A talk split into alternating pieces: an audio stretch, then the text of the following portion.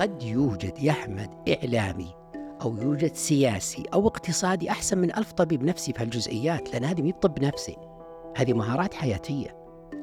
تماما ترضع مع الحليب. أنا أوقات ونلقي دورات والناس مركزة من مختلف الدول يمرون عيالي يحطون اختارهم كذا يضحكون. تدري ليش؟ وش الخرابيط؟ يبغى كلام فاضي تقول. قلت يا عيال رضعتوها مع الحليب صارت فاضية.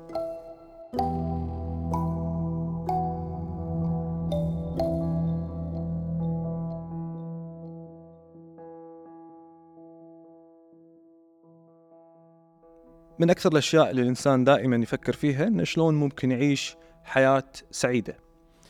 ربط السعادة في تجارب الحياة ممكن يقلل من جودة الحياة بوجهة نظر الأشخاص. في حلقة اليوم مع البروفيسور واستشاري الطب النفسي الدكتور طارق الحبيب تكلمنا عن أمور كثيرة. جزء من هذه الأشياء اللي تكلمنا عنها إدارة الانفعال ومدى تأثيرها عليك وعلى الشخص اللي قدامك الذاكرة السلبية والإيجابية. ممكن تكون سبب رئيسي في طريقة تصرفاتك بدون ما تحس. تكلمنا بعدها عن الفقد وتأثيره. وشلون ممكن هذا الفقد يأثر على الإنسان والأربع مراحل اللي يمر فيها شلون ممكن نخلي هذا الشخص يتجاوزها. من حيث المبدأ أتمنى لكم حلقة ممتعة. أنا أحمد زيد وهذا بودكاست مبدأ. عكس آه كنا بنقوله إن اليوم الناس على الرغم من الرفاهية اللي موجودة والانفتاح والعولمة الا انها تبحث عن السعادة وجودة حياة أفضل. فشنو السبب على الرغم من كل اللي متوفر للناس؟ هذه الطريقة هي المثلى. حينما تبحث عن الجودة الحياتية لكي تحافظ على السعادة اللي أنت موجود فيها مم. ولكي تكسر رتم الملل وتنوع في التعامل مع العطاء ولذلك هناك ما يسمى عندنا في ممارستنا الكلينيكية إدارة الملل والمتع مم. قد ترد علي يا طويل العمر تقول يا أبو علي إدارة الملل فهمناها. إن الملل تمنعون وش علاقتكم بالمتع. أنا مستمتع. أي. أنا بالنسبة لي أن الملل والمتع هي شيء واحد. كيف؟ إذا عندك ملل كيف أخففه؟ إذا عندك متعة كيف أزيدها؟ حلو. تمام. فهي متدرجات واحدة. أي. وإدارة الملل والمتع عندك ثمان أركان. ما المدخلات في الملل؟ ما المخرجات من الملل؟ ما مطولات الملل؟ ما مقصرات الملل؟ ما المدخلات في السعادة؟ ما المخرجات من السعادة؟ ما مطولات السعادة؟ ما مقصرات السعادة؟ لو كل واحد من الأشياء هذه حطيتها بقائمة لوحدها يا طويل العمر. إذا جاك ملل وش تستدعي؟ مقصرات الملل حتى تفعلها. التي بنيتها في لحظات عدم الملل. تستدعي مطولات السعادة لو عندك لحظة سعادة حتى تطول السعادة. المخرجات من السعادة حتى تتجنبها. المقصرات للملل حتى تبحث عنها. بهذه الطريقة أنت تدير الحياة. عليك أن تختار يا طويل العمر أن تكون أحد العرائس بيد البشر غيرك أو أن يكون البشر والحياة من حولك مجموعة عرائس في يدك. آه، وصفك اليوم للطريقة الأنسب أن إحنا نعيش هذه الحياة وبسعادة يخليني أبي أستفسر أكثر. آه، الناس اليوم أحيانا البيئة المحيطة لها تكون سبب في عدم سعادتها في الحياة. وما يقدر يتخلص من من هذه البيئة. يحس أن البيئة هذه مرتبطة فيه بشكل أو بآخر.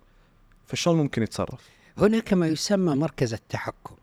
locus of control الناس يزداد الإنسان سواء كلما كان مركز تحكمه خارجي. ويقل سواءه كلما كان مركز تحكمه خارجي. نعم. لو تجي طويل العمر الآن مثلا ولك الكرامة مثلا وتشتمني وأتوتر أنا. من سبب توتري؟ كثير من الناس يظنها الشاتم. ولك الكرامة لا أنا. كما أختار ما أرى الآن أنظر لهذه الكاميرا أي. أختار ما أسمع أسمعك وأسمع صوت المكيف أيضا أختار ما أشعر. صح. إذا الخيار عندي أنا أيها الإنسان. إذا مركز التحكم يزداد الإنسان سواء كلما كان في داخله. جيت الآن ومدحتني بالحيل واستانست. من يستمد قوته من خارجه سيستمد ضعفه من خارجه. ولذلك طيب المدح ما يريح قلبك هو نفس رشة dressing على السلطة لكن مش هو السلطة. السلطة تبنى في داخلك أيها الإنسان من خلال بناء المهارات الحياتية. وشلون الانسان ممكن يوصل هذه المرحلة؟ إنه يكون هو الأساس في في ربط السعادة لنفسه يتقبل ذاته يتع... يعني يستقبل الانتقادات برحابة صدر يعرف ثلاثة. إيجابياته. أحمد أركان ثلاثة. الركن الأول أن تفهم نفسك. إذا ما فهمت نفسك هذه الإشكالية تبي تلخبط معادلك مع ذاتك ومع غيرك. الركن الثاني بناء الثقة بالنفس يكون عندك ثقة ما يكون عندك نقص ثقة. والركن الثالث إدارة الانفعال. بعض الناس عبارة عن قرطاس بهالجو هبوه منا راح منا هبوه منا راح منا إتقان هذه المهارات الثلاث وكل واحدة لها برنامجها في التدريب يجعل الإنسان أكثر قدرة على إدارة حياته. ولذلك حتى في البناء النفسي للأطفال يجب عليك أن تحرص على هذه الجوانب في صناعة أبنائك لكن لن تستطيع أن تصنعها في أبنائك إن لم تتقنها أنت. تتعلمها تعطيها قيمة عالية فتستدعيها عند الضراء. إذا ما لا قيمة عندك وقت الضراء كرامتي والله لو أوريكم بالناس. لك ما استدعيت مهارة إدارة الانفعال ولا أعطيتها القيمة فما استدعيتها. بهذه الطريقة تدير الحياة وتصبح جزءا من المسيطرين على الحياة وليست الحياة المسيطرة عليها وشلون أعرف أن أنا أملك هذه الثقة أو ما أملكها؟ معايير بناء الثقة بالنفس. الإنسان يتأرجح بين ثلاث أركان. الركن الأول نقص الثقة. تتمثل في نفسه وتتمثل في جسده. في الجسد مثل عدم التواصل البصري أيوة. نبرة الصوت الخافتة الانحناء وما شابه ذلك. في الجانب النفسي أشعر أني أقل من غيري أشعر أني مرفوض حتى يثبت العكس أشعر أني أرتبك قدام الناس وهنا نفرق بين السمات الشخصية التجنبية ناقصة الثقة وبين الرهاب الاجتماعي وهذا له تعريف وهذا تعريف. الشخصية التجنبية من يوم طلع على الدنيا وهو يشعر أقل من غيره. الرهاب الاجتماعي كان رجال وربما شاعر وكل شيء الآن يرتجف عند مواجهة الناس حتى ربما بالمكالمات الهاتفية. هذه لها برنامج علاجي وهذه لها برنامج علاجي.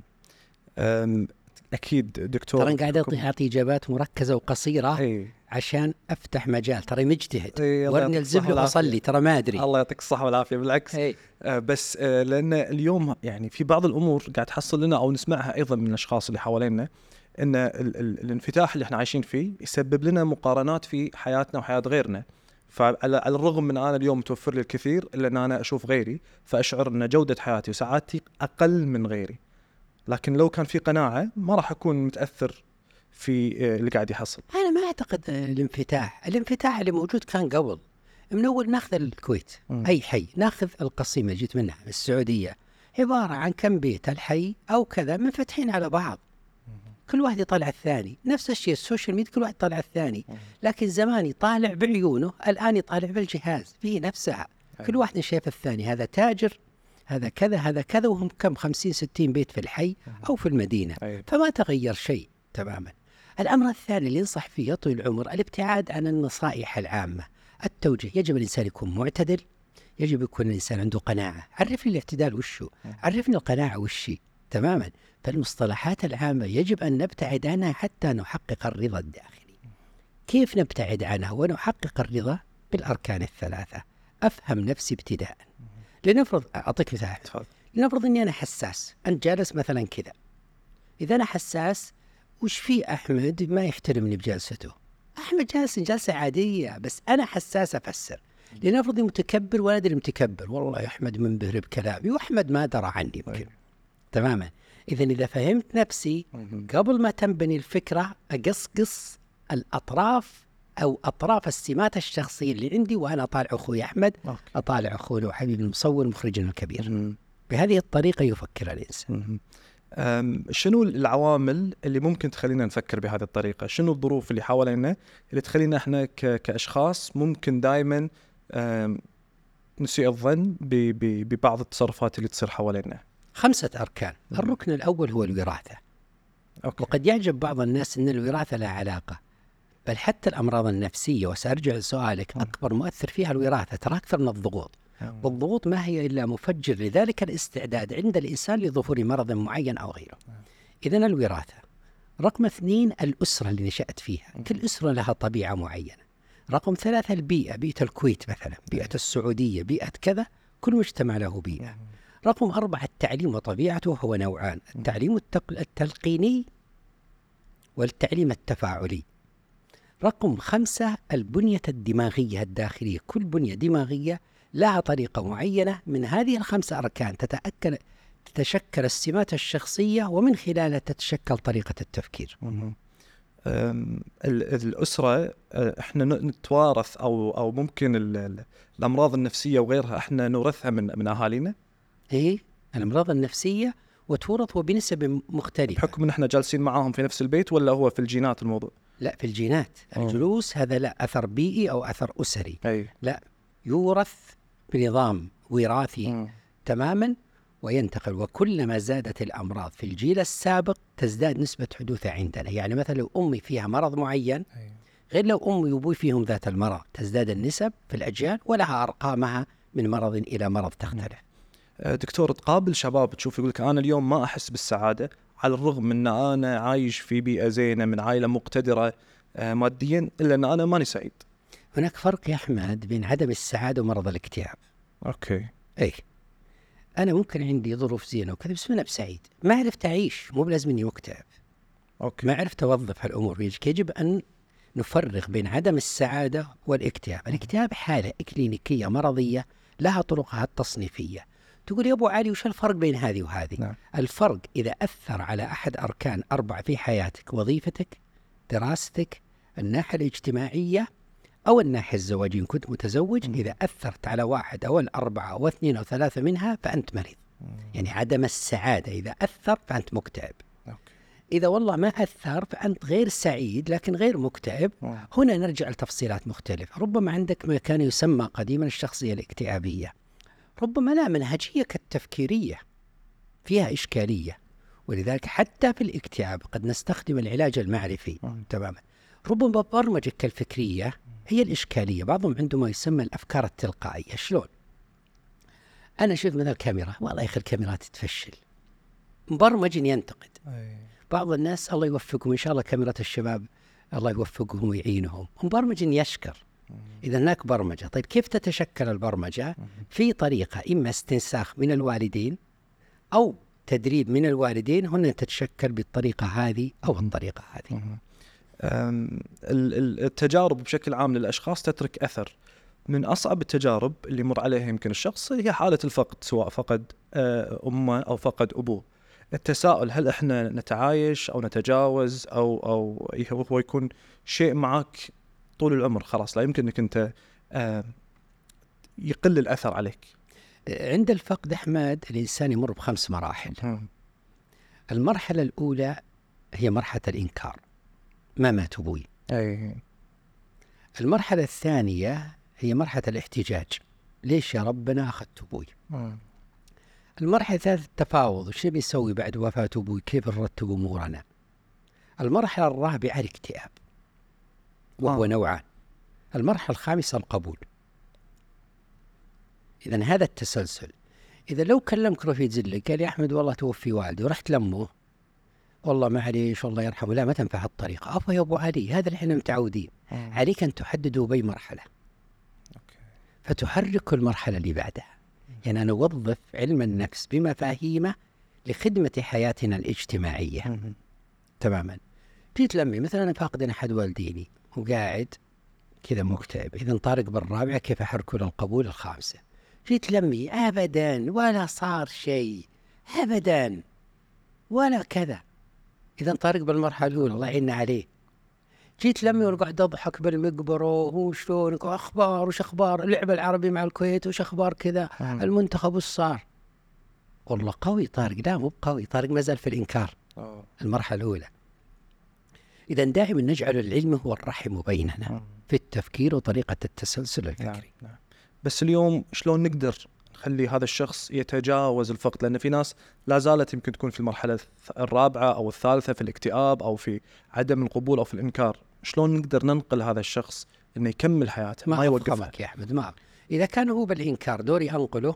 المرحله الثانية. للاحتجاج. أوكي. والله يا أحمد شكلك متضايق من اللي صار ومتوتر من اللي صار وكذا. طيب. انقلك إيش؟ ليش يا ربنا مثلا توفي أبوي. بعض الناس ترى يمر بثواني بينها. تعتمد المدة وطولها على قيمة المفقود. نعم. يعني لو مات لك جد عمره 120 سنة ولو 30 سنة بالعناية المركزة مم. أنت تروح على القبول على طول. قد تفرح له لأنه ارتاح. ارتاح. زين؟ اذا حسب قيمة المفقود حسب طبيعة الفقد موت مفاجئ نعم. حسب شخصية كنت الفاقد أي. ثلاث أركان أساسية أوكي طيب جيت لم ولقيت أنه مرحلة الاحتجاج ليش يا ربنا أخذت أمي أو كذا مثل بالمستشفيات آه. لما يجي طبيب يقول الله أمكم ماتت أو كذا ما ماتت أنت اللي فيك وما فيك أنت اللي كذا هو يحتج على الله لكن يقلب الرمز سبحانه وتعالى لكن يقلب الرمزية إلى من؟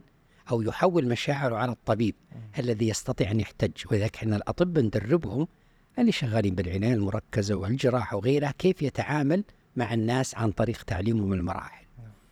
جاء مثلا أبدا أنت قصرت وكذا وكذا وكذا من الأمور. يبدأ إيش؟ تحويل المشاعر من أي. طبع الاحتجاج. تحركه إلى التفاوض عن طريق هل تقول له هذا قضاء الله وقدره؟ بعض الناس الكلمة توتره أكثر. إذا يجب أن تستخدم المفردة التي تناسب المذكر. اللي أنت تذكره مو بتناسب أنت يا من تذكر الآخر. ذكر الطرفة أقول لك قصة. مر أبوي هو رفيق زله رايحين ياخذون عمرة. وبعدين رفيق أبوي هذا الكلام من 40 50 سنة تزعل من أبوي. قال أبوي يذكر الله. هذاك شال جزمته ورمى أبوي أبوي نزل رأسه الله. يتغمدهم برحمته كلهم وضربت الكعبة.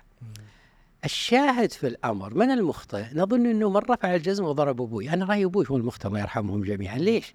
أنه ما يعرف رفيقه إن كلمة تذكر الله ما تهديه تشبه بعض الناس تذكر الله وراه أنا كافر أنا ما أنا مسلم أنا ما أدري إيش فيني.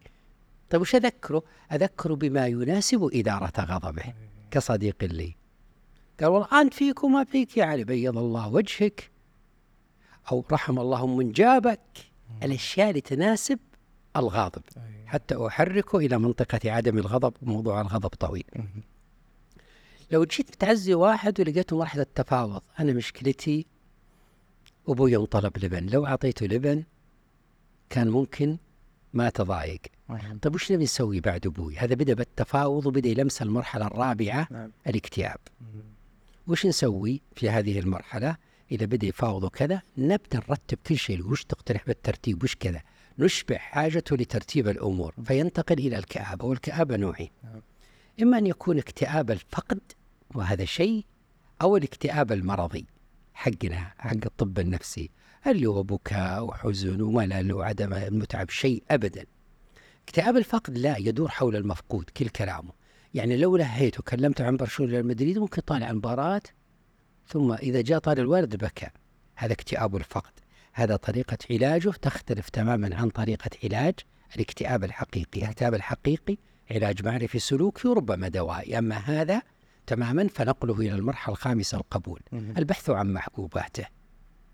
ولذلك لما جاء رجل إلى النبي صلى الله عليه وسلم يا رسول الله ماذا بقي من بر أبي؟ قال أربع دعاء الاستغفار الصدقة زيارة أهل وده. وإذا كان لما توفي أبوي أنا لما يصير لي شيء أنا أدير نفسي بنفسي بهالمهارات لكني ما تذكرها مبرمج عليها. يعني لو سألتك يا أحمد كم نفس أخذت من يوم قعدنا؟ ما تدري. صعب. مبرمج عليها. تخيل هالمهارات تتبرمج عليها. أي. تكون حياة حلوة ومريحة. ما تزعل من أحد ولا تزعل أحد. ولو زعل أحد يرضى هو من نفسه بكلامك الطيب بدون ما تقعد تراضيه وتمشي الأمور. مات أبوي طول عمره تغمد برحمته يوم الجمعة الصبح. كنت أظني في البحرين تحية للبحرين وأهلها طرت بسرعة صلينا عليه المغرب صبح السبت طبيعي وش الواحد يصير فاتح العزو ولا لا؟ صح. لا رحت مكتب عقاري مم. أبو علي شو مكتب عقاري؟ بيوم العزاء دفنوه بالليل الصبح مكتب عقاري أوه النبي صلى الله عليه وسلم ماذا بقي من بر أبي الدعاء الاستغفار الصدقة زيارة أهل وده. راعي مكتب عقاري صديق لأبوي رحت للمكتبة بشتري منه أرض وش هدفي؟ زيارة أهل وده وبنفع الرجال. يعني طبقت الحديث مضاعف. عشان إيش اللي يسمونه السمسرة أو هذه؟ نعم. يستفيد منها. اي إذا تطبيق للحديث مو براح أتاجر. الصدقة على طول. كذا.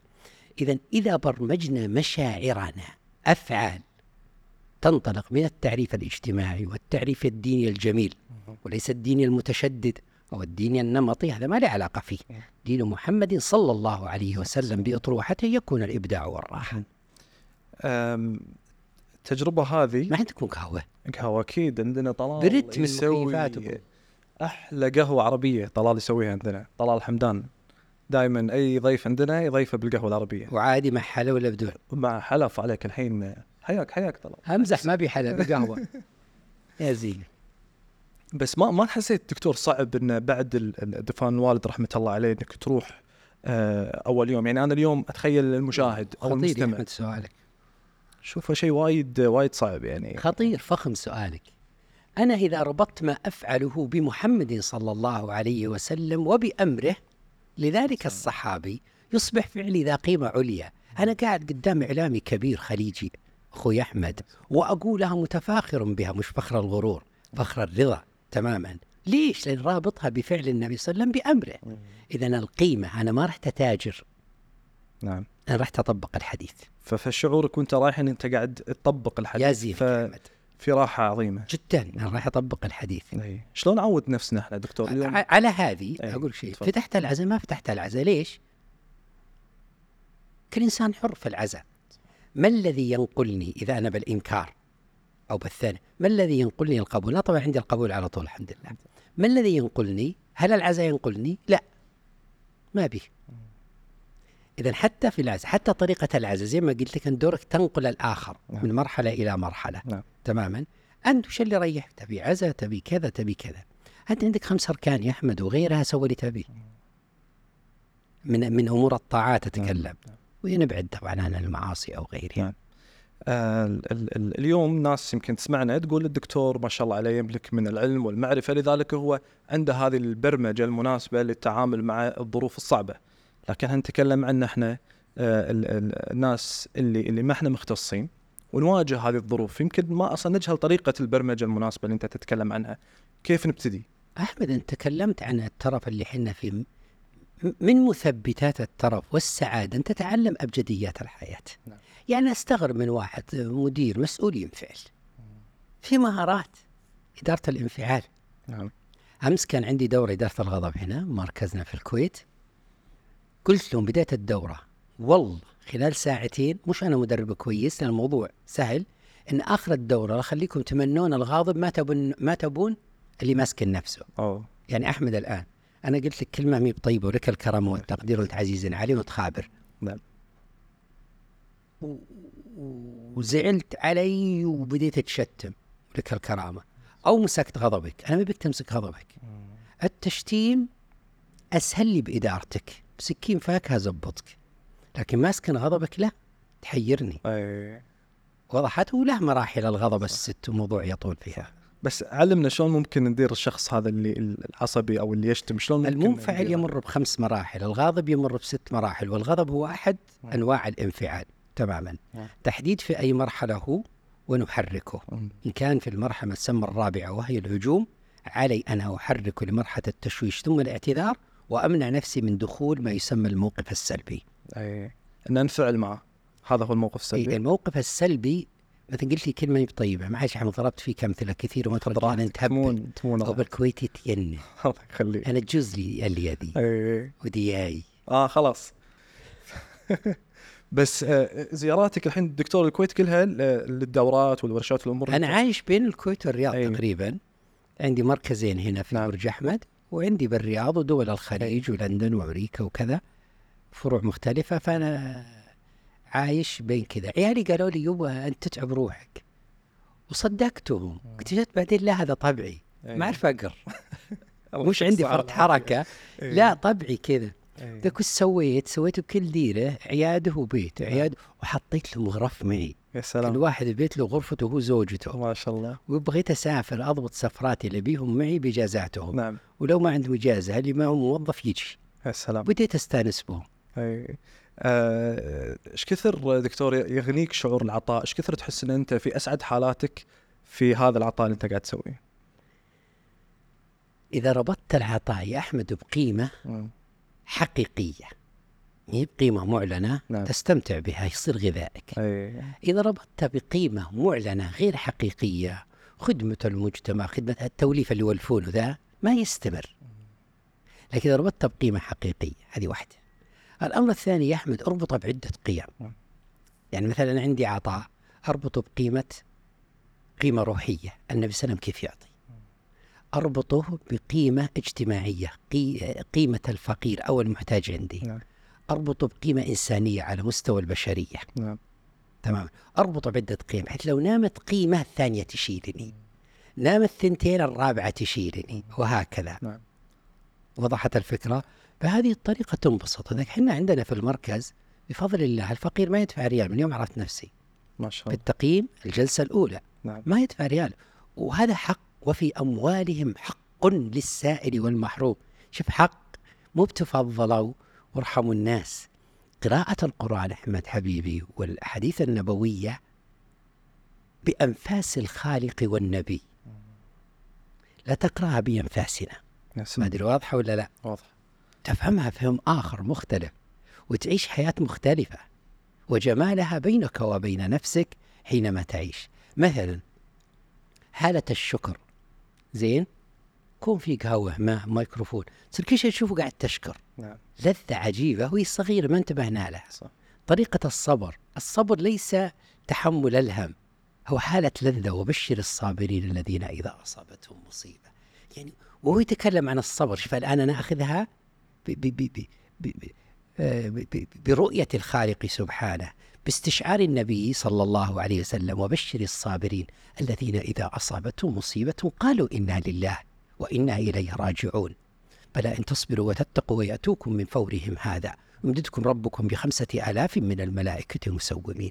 لما تجي للصبر بطروحة القرآن المشكلة لما يتم جمركتها خليجيا تأتي بمعنى آخر أو بروح أخرى. يجب عليك أن تجمركها محمديا. فتأتي بمذاقها الحقيقي بغير إضافاتها. هذه ال- ال- المرحلة أو الوصفة الجمركية الخليجية مثل ما ذكرت. هل اليوم بعض المفاهيم بدينا نفهمها بصورة لا ما هي قريبة من الدين أو أو بصورة آه، ال- الإسلامية مثل ما أنت ذكرتها؟ أنا أقرأ أن أفخم مرحلة دينية مر فيها الخليج الآن. عكس ما نظن. شلون؟ أوه ما أفخمك يا أحمد. قديما كان الواحد يراعي غيره. كان قديما الواحد يصلي لا يقول الجيران ما صليت. الآن يا أحمد تنزل تصلي ما على بالك جيران. صح. استشعار قيمة الله سبحانه وتعالى. مم. الآن لا الصلاة. ال- ال- خوف الآخر وتقييمه مو موجود الآن مثل زمان في الناحية الاجتماعية احترام المجتمع قيم المجتمع لكن سجن المجتمع بدأ يروح. تماما.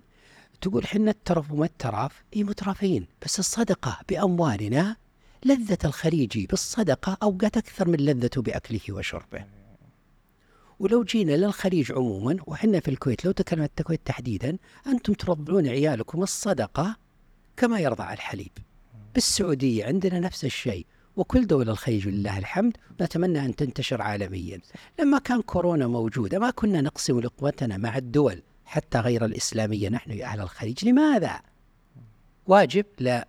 لذة. نعم. ولذلك لما تصل لمرحلة اللذة يا أحمد تتعدى الواجب. أفلا أكون عبدا شكورا. يقوم الليل يصلي متلذذ. وذلك لما تسألني أنا أحاول أستلهم القيم المحمدية للأسف إنسانيا. نعم. وإن كان طروحة سيد وسلم إنسانية وإذا كان داوم يحمد معني رجل مريض أنت تعرف أداوم حتى يوم الجمعة ما عمري وقفت. يوم العيد أداوم ليش؟ أرحنا بها يا بلال. ربطت هذا العمل بقيمة. فقير بلاش. دفع فلوس عندي مجال لإكرام عيالي صديقي المحتاج الصدقة وغيرها. أنفاسي مثلا بهذا الشيء. هل هذا خاصة فيني أو بزيد أو عمر أو أحمد؟ أو لا لا لا لا.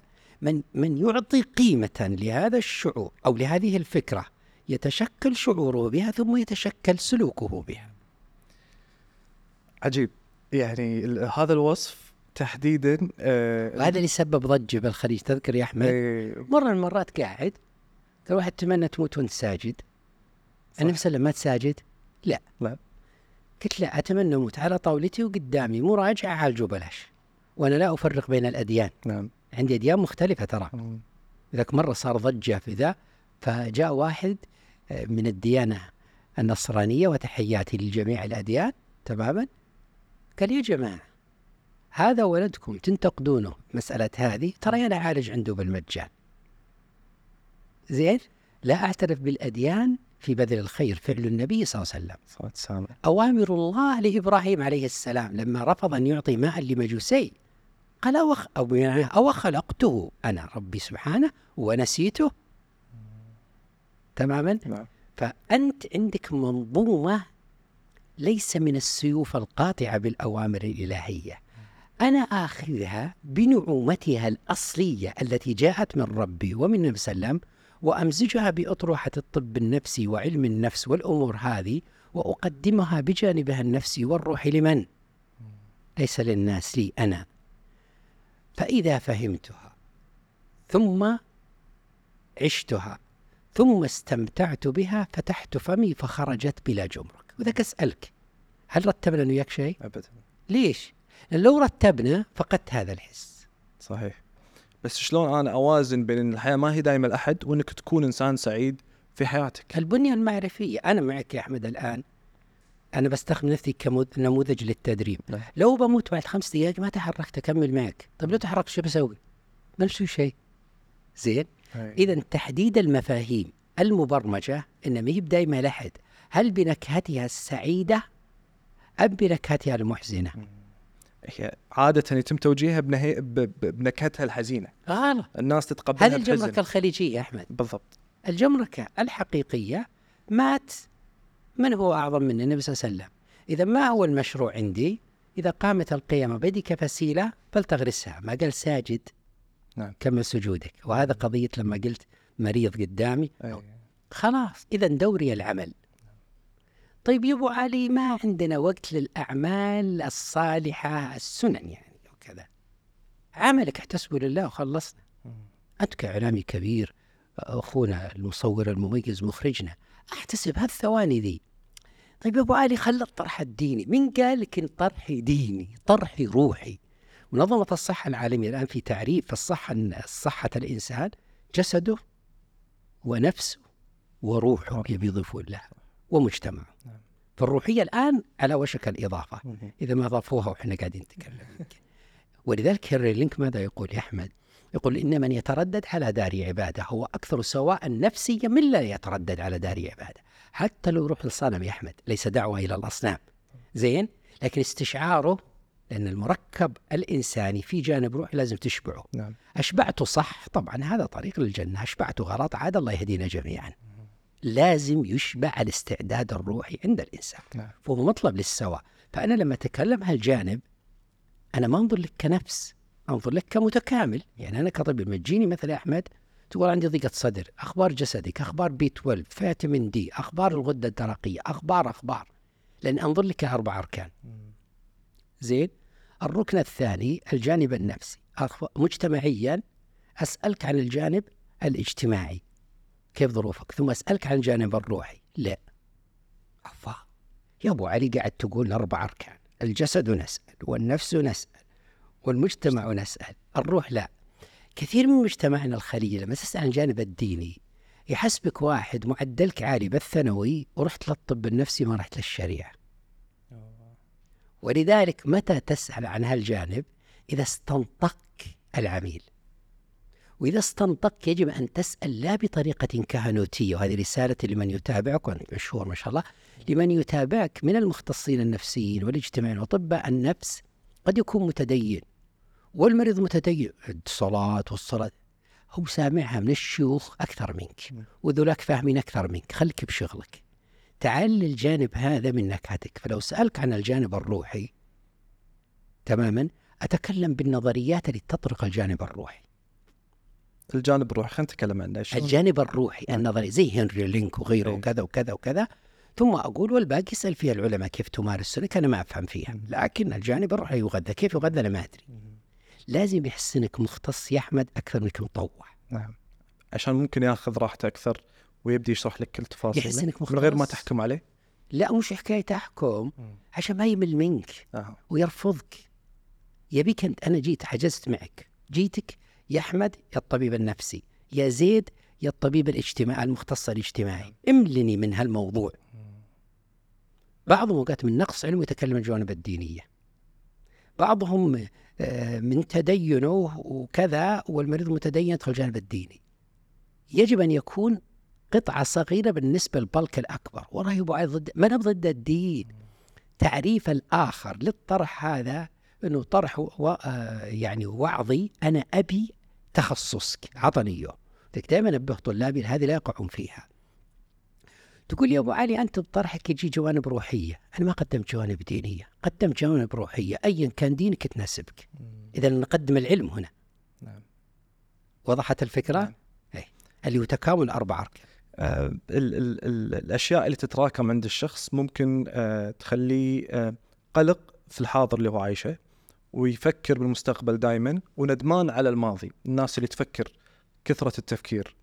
هذه شلون ممكن نخرجها من هذه الدوامة؟ لا هو عايش حاضرة وندمان على الماضي وحزين ودائما يفكر في مستقبله انه شنو راح يصير. ما أدري يا أحمد أنا ما أدري إن في شيء اسمه ماضي، كلمة ماضي ما أفهمها. وكلمة مستقبل ما أفهمها، الماضي كان حاضرا في وقته ولا لا؟ صح. والحاضر هو حاضر الآن، والمستقبل سيكون حاضرا في حينه. ما نتكلم الحاضر. الماضي علاقتي فيه فقط ضمن إيجابياته المستقبلية، غيره ما لي علاقة. الحاضر أقصى ما يمكن أطلع منه. المستقبل ما في الحاضر يهيئ للمستقبل أشتغل عليه. بس انتهينا. الشيء الثاني هناك الذاكرة الإيجابية والذاكرة السلبية. شفتك يا أحمد الحين وأنا وياك أصدقاء من قديم. أحمد قبل شهر عزمني على عشاء ونساني قبل سنتين ترى مو بصدق يا جماعة. مو بصدق. أحمد كرمه. قبل سنتين رفع صوته علي. وتوترت. من سبب توتر؟ مو بأحمد وأفعاله. ذاكرتك السلبية؟ ما أفخمك. طيب أحمد عزمني 13 مرة على زبيدي. ترى السبب هذه. جتني واحدة اليوم عتيبيه راقية كويتية. وقالت بعزمك على زبيدي. حكم 85 سنة.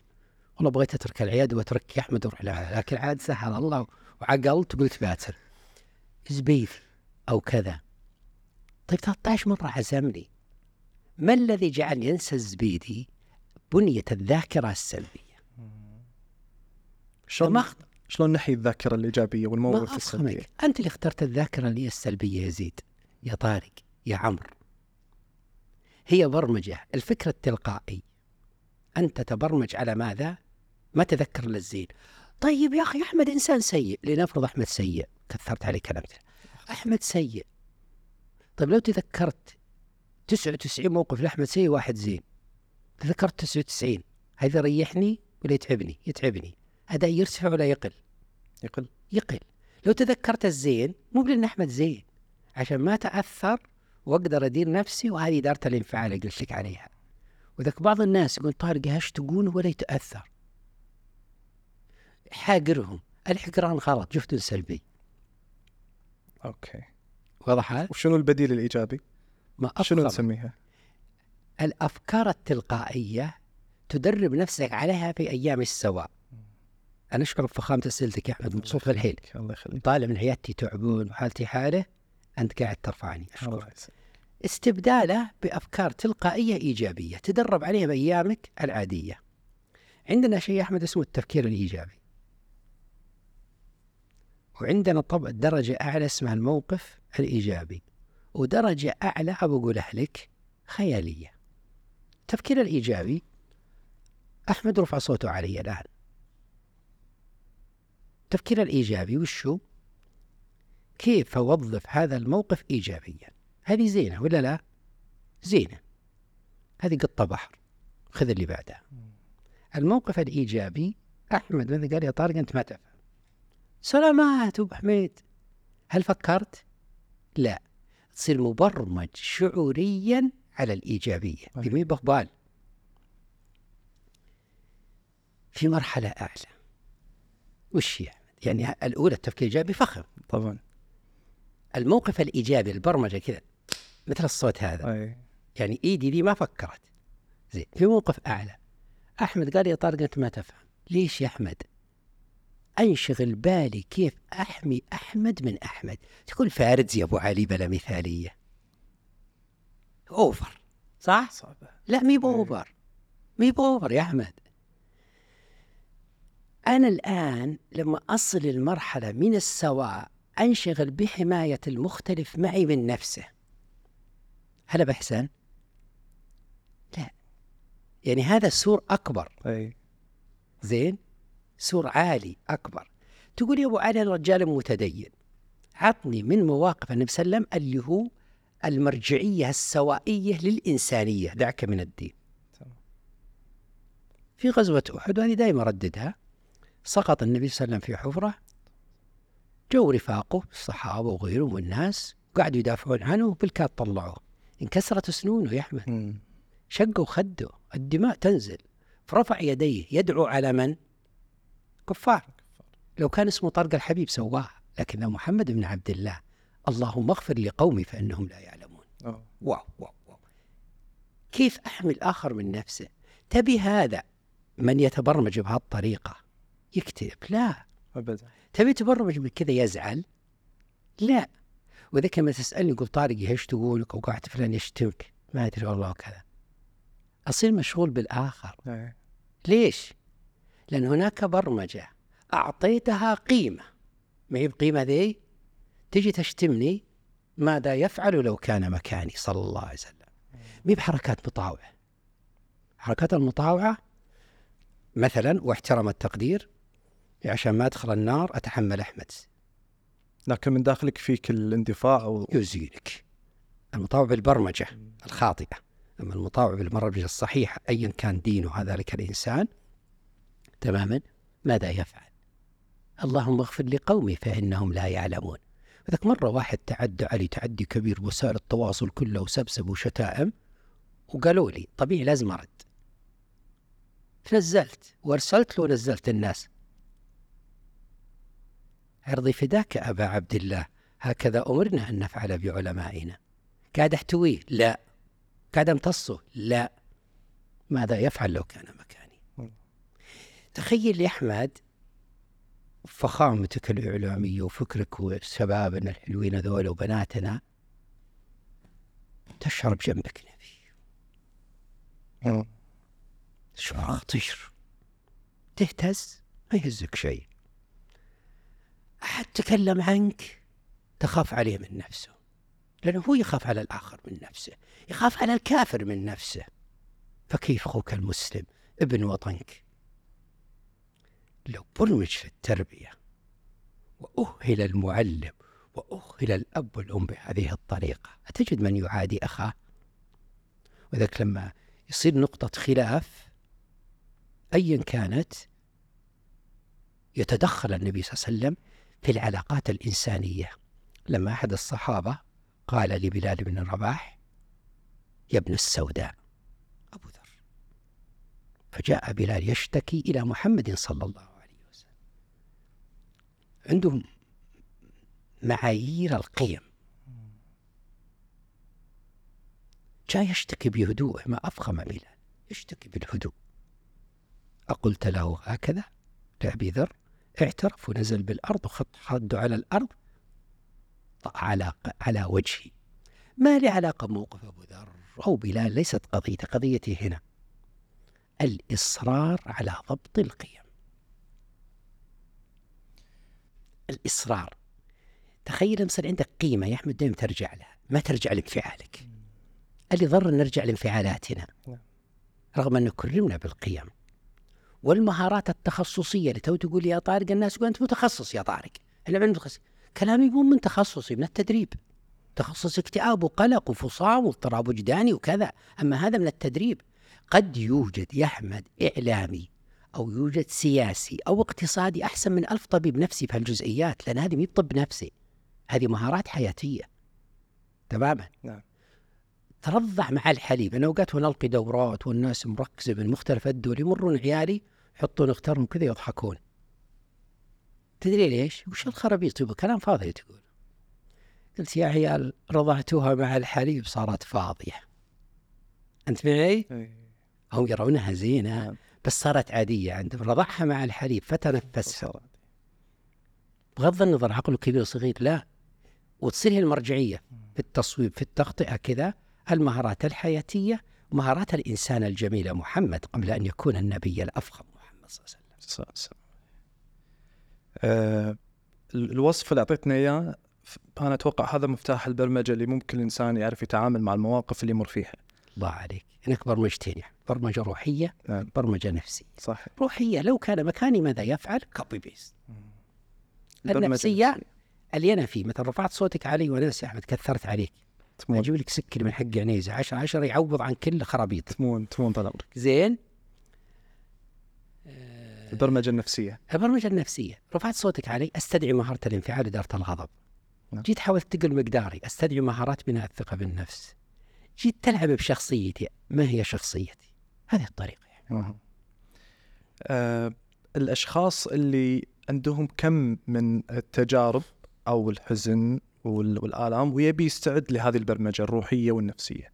الخطوات اللي المفروض يأخذها عشان يعيش هذه البرمجة. الأركان الثلاثة اللي قلناها يا أحمد أن يفهم نفسه بناء الثقة بالنفس إدارة الانفعال. وهذه الانطلاقة تكون. هذه انطلاقة جميلة يتقنها إتقان كامل يقطع أكثر الطريق عن ب- بين الغرور والتواضع دائما يقول إن هذا الشخص آه، ما يعرف قيمة نفسه فيكون دائما متواضع بزيادة.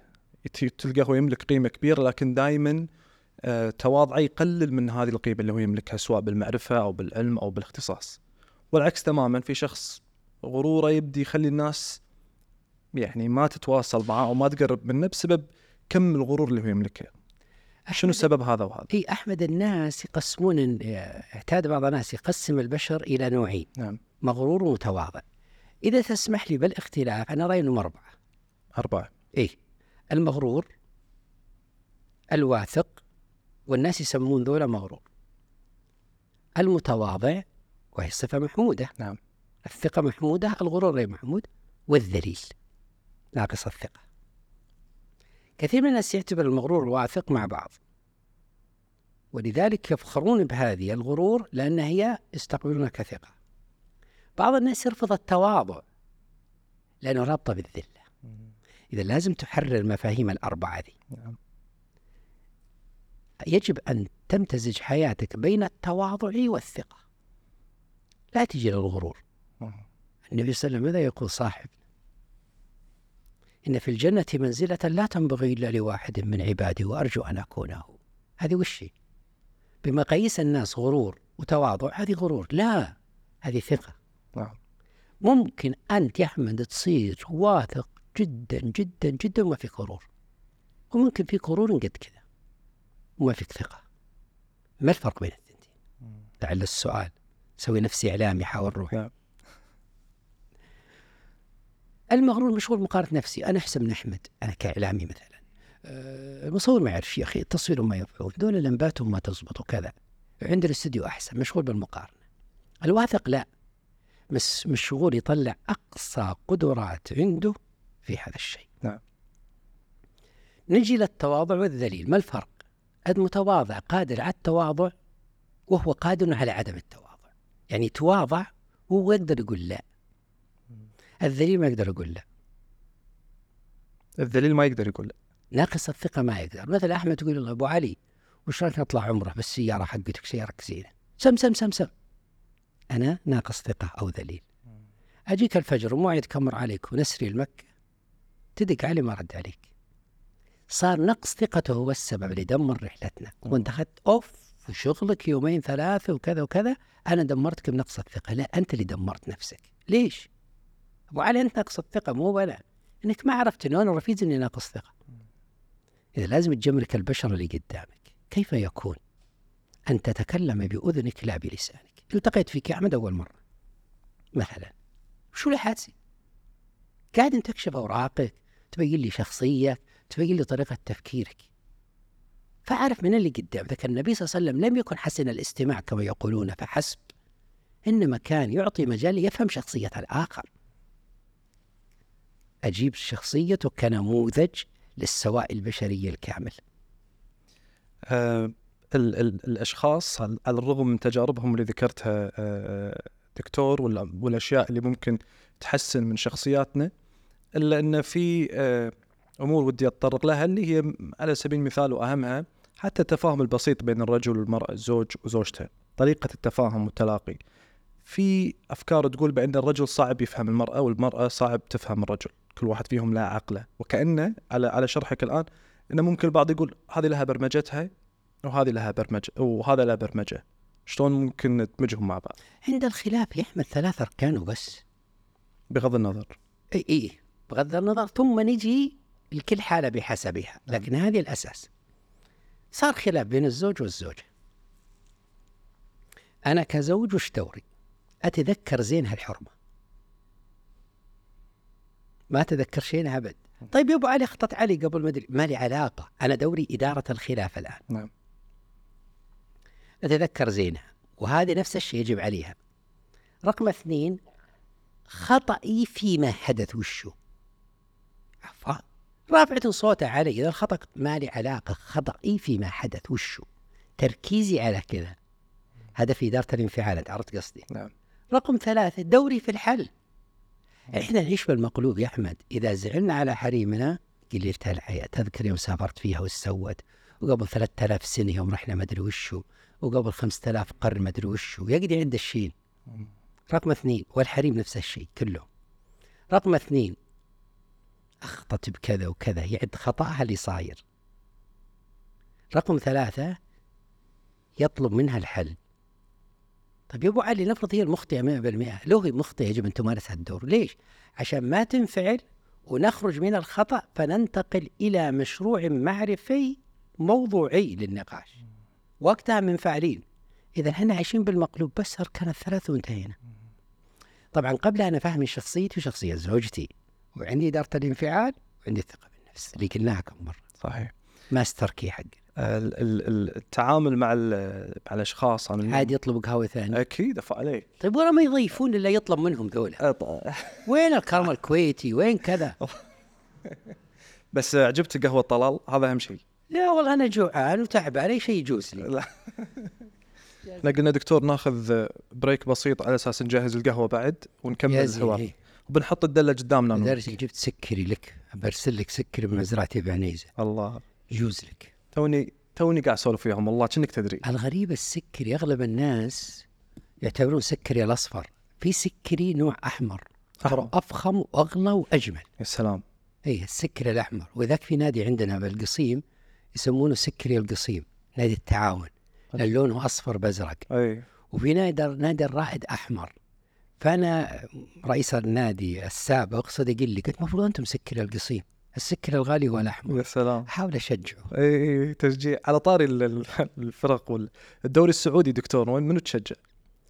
أنا وأنا صغير تبي تقصونه ولا تنزل؟ لا، لا، يلا. يا وأنا صغير كنت أشجع النصر. كان هناك لاعب حقيقة فخم اسمه ماجد عبد الله. الله. أسطورة. موسيقار. غصب عنك تشجع النصر. لما كبرت وعيالي شجعوا الهلال والله يعني شجعت معهم فالحين هلالي. لا أصبر آه تو الناس. إي لا هذه المرحله الثانية بقى الرابعة الثالث والرابع. أوكي. يوم كبرت وعقلت قبل التطور الأخير صرت برشلوني. يوم جاء هذه النقلة الفخمة في الرياضة السعودية صراحة شجع تقول وش تشجع؟ ما أدري كلهم زينين. إي والله. والمشكلة صداقات بكل هالأندية وكل واحد يحسب إنه يشجع ناديه. أو ما يتكلم بالإيجابية حقتي ولا يحسب إنه يشجع. ما أدري إنه إيجابي. والأمور ابشرك ماشية. بس وسبق دربت بعض ال... إي عندك تجربة دكتور معاهم أول تجربة كانت بالكويت. الله. جاسم الهويدي مدة بالصحة والعافية اللاعب الفخم الجميل. أظن لاعب السلمية صح؟ صح صح صح لاعب دولي سعودي يوم السماوي. صح؟ أيوه. والله ما أنا بسهل أيوة. ما شاء الله. جاسم الهويدي من الصحة والعافية وكان في آه، الإعلامية الجميلة القطري محمد سعود الكوار تحية. ولعن بسعود. وكان حسن شحاتة الكابتن حسن شحاتة وكابتن حسام إمام. كان عندهم منتدى رياضي كذا. نعم. فنادوني فأعطيت محاضرة كانت هي النواة بدأت هنا محاضرة عن فهم الشخصيات في البيئة الرياضية. نعم. حتى أذكر كلمت حسن شحاتة أثناء سبب الخلاف من البعد النفسي لمنطقتي بينه وبين شكبالة شكبالة لاعب فخم لاعب الزمالك لعب في ال- السعودية فترة أظن في نادي الرائد ثم رجع هناك وكذا. لاعب فخم وموسيقار من الدرجة الأولى. ففهمك للاعبين. انطلقت بعدها لقيت والله عندي شوية فهم بهالأمور. قناة الكاس والدورة القطرية سجلت معي في رمضان نعم. برامج سنتين ثلاث متواصل 60 حلقة وبثت لمن أراد المزيد في موقعهم ما زالت موجودة في اليوتيوب. وتكلمت عن أشياء مستفيضة. أنا كل شيء بالحياة أتكلم عنه. بعض الناس تقول ملقوف يا طارق. لا. أتكلم عن شيء من بعده النفسي هذا ملعبي مو ملعبك. صحيح. يعني مثلا جيت الإعلام؟ تقول لي يا أحمد اسكت يا طارق. لا من ساكت. المنطقة النفسية للإعلامي ملعبي. مين ملعب أحمد؟ صح. المنطقة الإعلامية في الإعلام ملعبك. مثل في الطب النفسي لما تجي تقول يا طارق أنت كنفسي ادائك الإعلام في شيء يقول لا تدخل بالطب النفسي. لا لازم تدخل هذا ملعبك. نعم. المعلومة اللي أقولها ملعبي مو ملعبك النفسية. طريقة تقديمي لها ملعب أحمد زيد مو ملعبي أنا. صحيح. فلذلك في برامج كثيرة في الرياضة حتى في الناحية الدينية الروحية حتى تفسير القرآن بدأت فيه. أفاء يا الملقوف. إيه. سورة يوسف خلصتها ونشرت في ثلاثين حلقة. وش فسرت بسورة يوسف؟ ما قلت حرام وحلال. إدارة الغريزة الجنسية لما امرأة العزيز مع يوسف ملعبي ولا ملعب المفسر؟ كيف تدير الغريزة؟ ملعبك صح. ما قلت أنا حرام وحلال. إدارة الغيرة بين الأقران يا أحمد ملعب من؟ ملعبي والملعب الشيخ؟ نظرية بياجيه في النمو المعرفي نعم. للإنسان نظريات النمو النفسي ونظرية النمو الاجتماعي. بيض الله وجهك يا طويل العمر. فأنا أقدم هذا العلم لخدمة هذا المجتمع. نعم. ونقل بعض الأشياء. تكلمت حتى بالجانب الروحي. في برنامج اسمه النفس والروح. نعم. تماما. يناقش الجوانب الروحية من بعد نفسي. ما لي علاقة بحرام وحلال ولي علاقة بكذا وكذا. ملعبي. فأنا أغطي يجي أحمد الإعلامي الفخم ويقدم زاويته الإعلامية. هنا نحن نخدم مجتمعنا. صحيح. حنا نقدم ديننا بالصورة الحقيقية. كل واحد من جهته. نعم. حتى نظرت بالجيل السابق آبائنا وأجدادنا كل واحد له ملعبه الخاص. نعم. فما تقوقع داخل عيادتي. داخل عيادتي أربعة في أربعة متر في علاج الاكتئاب القلق كذا لكن خارجها كيف أقدر أقدم؟ وكل واحد عنده مداه حسب قراءاته واطلاعه وما شابه ذلك. وتجربتك في الرياضة في السعودية في مع الهلال أو أو التجارب الثانية اللي قدمتها؟ الهلال لما كانوا بلندن واحد من المشرفين جار عزيز. الكابتن الجميل فهد مفرج. فلما كنا بلندن صار تواصل قال يا أبو علي عندنا مباراة وكذا وتعال. فدربتهم أيام الكابتن الفخم ياسر القحطاني والشباب الجيل. شلهوب الج- محمد الشلهوب. نعم. ما اجمله ما اروع له أجمل تحية. أيام نواف العابد فترته الأولى والآن رجع لهم أظن وكذا. فدربتهم. الشاهد بالأمر بس استر علي أحمد. دربتهم من بعد انهزموا بلنتيات أوه. شفت يا طويل العمر؟ فعاد واحد يطقطقون علي بعضهم. خربتهم يا أبو علي. قلت ما خربتهم مدربهم حق شوطين ما دربتهم بلنتيات. كان التدريب أظن الدورة عن إدارة الغضب في البيئة الرياضية. أي. أنا ما لي علاقة خذ نفس لا تأخذ نفس. صح. ما لي علاقة بالأمور دي. لي علاقة كيف أصنع كاريزمتك. ما قاعد معك فرديا تدريب جماعي. وإذا عندك مرض نفسي كأحد اللاعبين تماما وهذه ما هي موجودة بالهلال لكن في تدريب آخر ما بقايل لك عليه على أساس لا يصير غيبة في وعالجناهم. تماما. من ضمن المنتخبات اللي دربتها منتخب قطر قبل الآسيوية قبل عدة سنوات حلو. وكانوا في جنيف تماما. وكنت ألقي دورتين صبح ومساء آه، بدعوة من الرئيس المنتخب القطري وقتها أحد الفضلاء والنبلاء. واللي بعدها صار قناة الكاس والدوري نعم. القطري كذا. فأنا مهتم بالرياضة من هذه الزاوية تماما. أي. بل أنا مهتم بالحياة من هذه الزاوية في أطروحة الحياة المختلفة مجتمعيا وكذا. ولذلك قد تجد بعض آرائي تثير شيء من الضجيج. بعد ما يهدؤونك والله يا أبو علي منطقي كلامك. أنا عندي خطأ بطريقة يا أحمد. لي طريقتين من التقديم مع عندي من معلومة. في طريقة أنا أشوف أنها صح ولا تثير ضجيج في طريقة غلط أوقات أقع فيها ولا أدري إلا عقب. شلون؟ أجي أقول لك هذه دلت كذا. بعدين أشرح. اي هذه تسبب ضجيج. في طريقة ثانية أشرح ثم أقول لك هذه دلة تقول بيض الله وجهك يا أبو علي. طيب ليش تقول دلة وتثيب ضجيج؟ ما قصدي ضجيج. تقول لي يا أحمد الحين تغمز لي بعينك تقول خمس دقائق مثلا. الجمهور ما يشوف. والموضوع حساس ما يخلص إلا بخمسين دقيقة. نعم. طاخ طاخ الأفكار خلص عشان أفيد. تسبب بلاوي. اي فأنا إذا قدمت المعلومة قبل الشرح يصير مشاكل. بدليل أمور كثيرة صعب أحصرها. أشد ممن ثار المجتمع عليها وقبلوها فيما بعد ما قالوا شيء لأنه قدمت الشروحات شروح. قبل الفكرة. صحيح. فأنا أعتقد عندي خطأ أوقات في هذا الشيء. مهم. أوقات أخطئ وهذه قديمة الآن تقلق لي شوي إن اللي واضح بذهني أفترض أنه واضح بذهن المتلقي. يا أخي أنا دارس لك كم سنة؟ اركد اركد أقول لنفسي. إيه. اركد. أوقات ما له أوقات يجي مذيع مثلك متجلي احمد فتجلي معه وانسى نفسي. أنا أقول لك إخطائي نعم. تماما. ثم تجي فكرة تختصرها. والمتلقي يبي توضيح فيها. فهذه أخطائي الثلاثة الأساسية. إن شاء الله بديت تزين شوي شوي. إيش كثر دكتور مهم إن الإنسان يستوعب أخطاءه ويأخذها بهال بهالحلاوة اللي أنت يأخذها موضوعيا يا أحمد. اي إذا أخذته موضوعيا كمشروع. حلو. أنا عندي كلمة يجب أن نحول مشاعرنا السلبية لمشاريع إيجابية. مشاعر مشاريع نعم. سلبي إيجابي. جيت يا أحمد أنت ذبحتك بهالمثال. شتمتني الآن؟ جاني شعور سلبي بداخلي. كيف أحول هالشعور إلى مشروع؟ وكيف سلبي أخليه إيجابي؟ طيب الآن في جمهور بيشوفنا عقب. أنت جبت طارق الحبيب الطبيب النفسي. ما المشروع الإيجابي؟ أوري الناس طارق الحبيب. ترى هذه ما أنا أنويها. في مرحلة أعلى ما أنا بزين من الناس بس مبرمج ومدرب.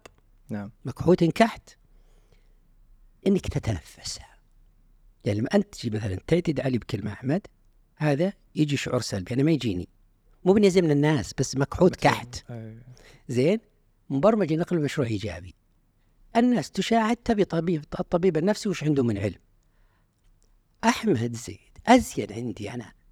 لو يبي يو- يبي يوري الناس دون أن يقصد طارق الهادي غير الانفعالي. طاخ طاخ طاخ.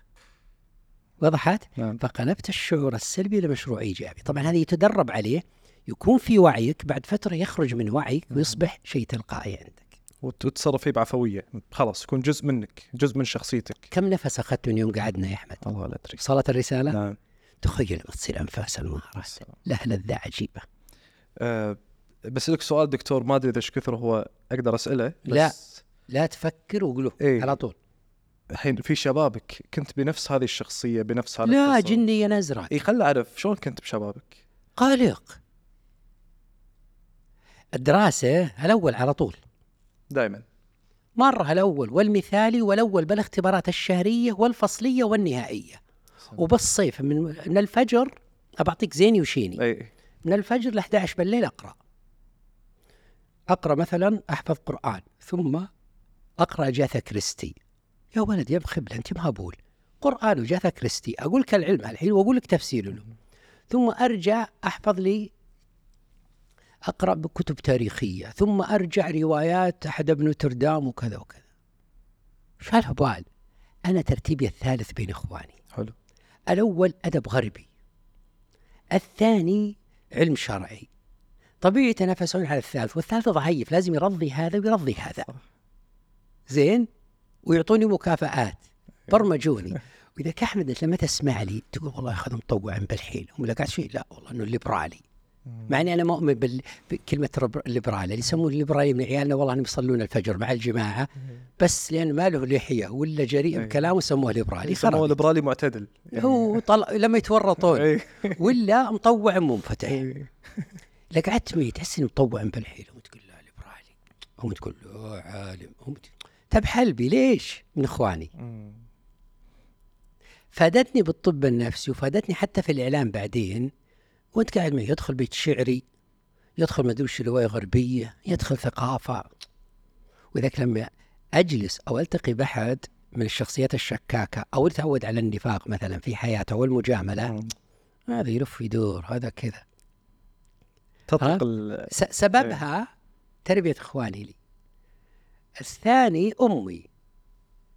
صاحبة عزيمة داست دوس أقلقتني. وأنا أقول لها شلون؟ طموحها عالي. تقول ما بيك الأول. ما بيك الأول ولا وراك أحد. أي شيء تدخل به. أوه. الأول ولا وراك أحد. طموحها بالحيل وهي ما درست. فهي تتحقق طموحها فيني. نشنت علي من بين العيال. اي أقلقتني. لكن صار شيء لما دخلت الطب. أنا كنت من أوائل على السعودية. نعم. وبالطب الحمد لله تخرجت وكنت المثالي على كلية الطب الملك سعود والمثالي على الجامعة كلها. ما شاء الله. بس بداية الطب توترت يا أحمد. ما أقدر أكمل. مش مرض. لو مرض قلت لك. ما أنقذني إلا اثنين. وهي اللي فادتني الآن. قراءة القرآن وأنا أحس إنه كانه ينزل علي أول مرة. كأنما قرأت الآيات. الثانية ترسم ترى ما أنا مطوع حدسي تعبان يبي ينقذ نفسه. ذاك الوقت. حياة محمد. قرأتها بالطريقة التقليدية. أحمد ما عجبتني. قرأت بالطريقة اللي نسولف فيها أنا وياك لنا شوي سحرتني. صارت الدنيا بيدي بعد ما كنت أنا في يد الدنيا. ومشت أموري وضبطت. بس شنو كنت تحس قبل قبل ال- ال- الفترة هذه؟ هذه لازم أطلع الأول. اي لازم الكتاب من الجلد للجلد كنت بطل انت خابرها كنا نتوسدها ننام عليها من كبرها. وما في زي الآن الدلع ايميل يجيك بالمحا لا لا لا لا لا. وكنت ساكن بالسكن الطلابي ثلاثة بغرفة واحدة قديما. أي. الغرفة ما تجي ولا ربع على الاستوديو. وكذا. أنا متعود على هالوضع. وبديرة غير ديرتي يعني من عنيزة إذا سمعت عنها. وعن الرياض 330 ما في كلية طب ذاك الوقت إلا ثنتين ثلاث بالسعودية أظن. حتى الشرقية ما أدري كان في ولا جدة والرياض. فطبيعي أجي الرياض. أبي شيبان ديرتي كذا كان ال weekend إذا جت أطلع الدرعية اللي بجنب جامعة الملك سعود أي. عشان أشوف شيبان أشوف يعني حالة من يا ولد وش أسوي؟ كنت يعني تستاحش تتعب مست- تفكر؟ كل شيء. بس ما وصل مرحلة المرض. نعم. الضغط طيب أحله. عقب ما دخلت هالدهليز اللي اثار يمكن تشوفها باقية استمتعت بالحياة. لقيت متعة غير متعة الأكل والشرب. متعة الخلوة. غير خلوة الشيخ أو المتدين بنفسه. خلوة الإنسان بذاته. والله يا له جمال. بعض الناس يخلو يتباكى. لا. الناس يخلو ليعصي لا. تخلو لتتأمل نعم الله. ثانية وعاشر وانت أخوي يا أحمد. أنا ما أنا بشيخ نحدث أنا إنسان ربما متوازن. بعض الشيء ينقل توازنه للمتابعين عن طريق تدريب كاحت. مو بابو ليلة لي يوم وليلة switch on switch off لا لا لا لا لا. تدريبه كاحت وتخطي 3000 مرة ثم تنجح مرة ثم تخطي 2000 وتنجح مرتين ثم تخطي 1000 وتنجح ثلاث أربع مرات شوي شوي؟ فبعد فترة نجاحك أكثر وخطأك تعتبره إيش؟ درس تتعلم منه. الله عليك. ما تأخذه سلبيا. اكتشفت طريقة خاطئة لاكتشاف الكهرباء. أديسون هذا. عشرة آلاف مرة يخطي. خبل. لا. عالم. لا. ما نقول كذا. إذا جاب آخر لولا أديسون ما قعدت قدام أحمد الحين. هاللمبات والميكروفون من أديسون الفاشل في تقييم طريقة الناس في الحياة. كل ما أخطأ اكتشفت طريقة خاطئة في اكتشاف الكهرباء. فاضي! بلغة مستمع. السلبيين بي- الوقتيين. ت- تجربتك في في مرحلة الجامعة والدراسة وما إلى ذلك هي اللي صنعت اليوم دكتور طارق الحبيب؟ ولا في حدث معين غير طبعا اللي ذكرته هو اللي خلاك تكون بهذا أنا الكم أعتقد أمي إذا كلفت فيها كتاب علمتني أمي. أي. شخصية عريضة. ما أنا بتكلم أمي وشفني وأنا أتكلم. أمي الحنونة الطيبة الأم لا لا ما لي علاقة. كلام عام أتركه. متفردة. نجيبة بنيتي شابتها عاقلة حكيمة كل شيء. صح كان قلقها عالي في عملية دفعي. ما تقلق عليه. فكرة وذاك أبوي الله يتغمد رحمته كان مزاح. يقول ألف كتاب فيني وسموا علمني أبي. أي. أحسبه غيران بس خل صفحاته فاضية. هذه جنية أمك ما مثل أحد. رحمة الله لولا أمك والله انضعتوا لو اعتمدت يعير ويمزح. بده الصحة والعافية ولا كان مميزا. ما لحقتي عليه نجيب شفتي؟ يشابهك دكتور يشابهك بصفاتك. في في. تعلم لا لا لا لا. أنا أكثر صفاتي من أمي بس تعلمت منه شيء خطير. ذكرت القصة الآن. تصدق هذه محورية القصة. جيت مرة من الرياض بالفترات ذيك وأنا جيد وكانت دفاتري اللي يكتب في القاعات تباع في محلات النسخ والتصوير فالطلاب يأخذونها.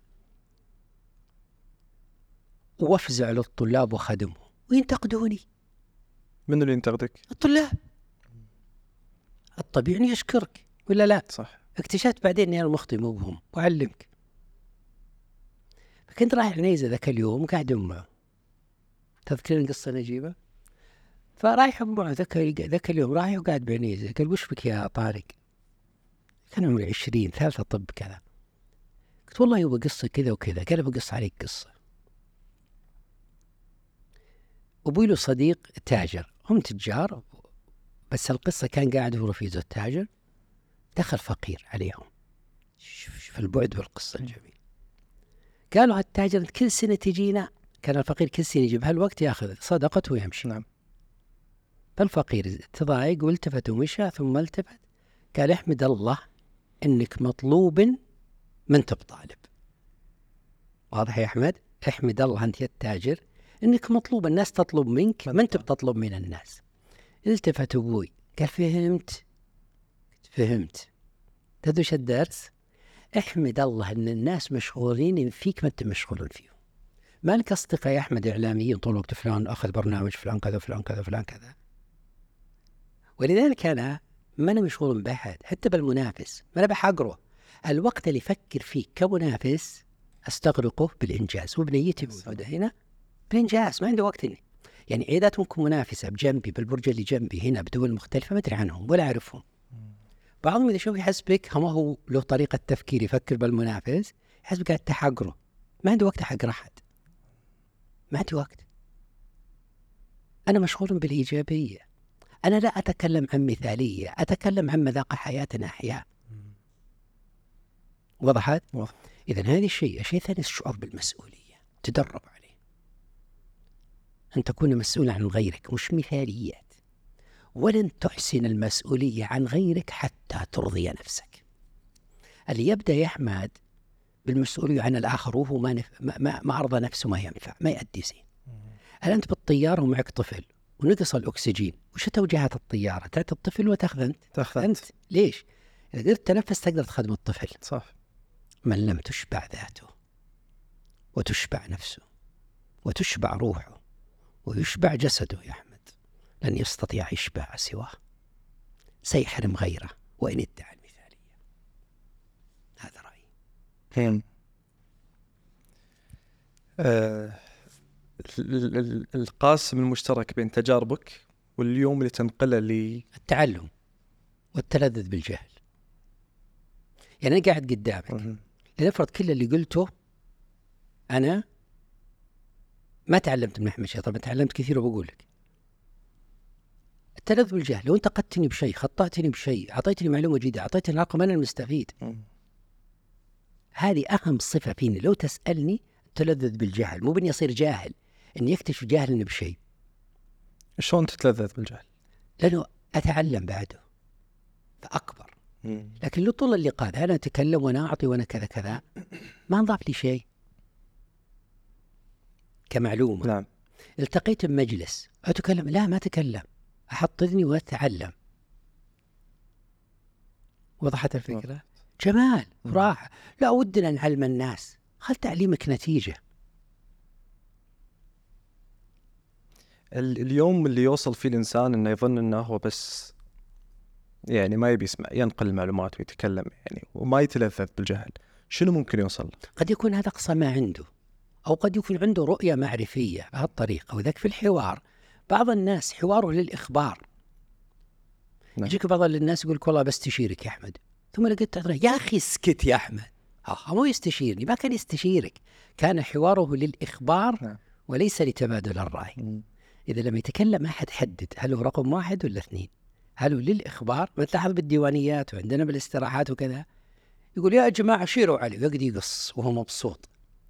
إذا هذا ما يستشير قاعد يخبر بس بلغه مقبوله الطبق مختلف في استشارة. هذا شو تسوي له؟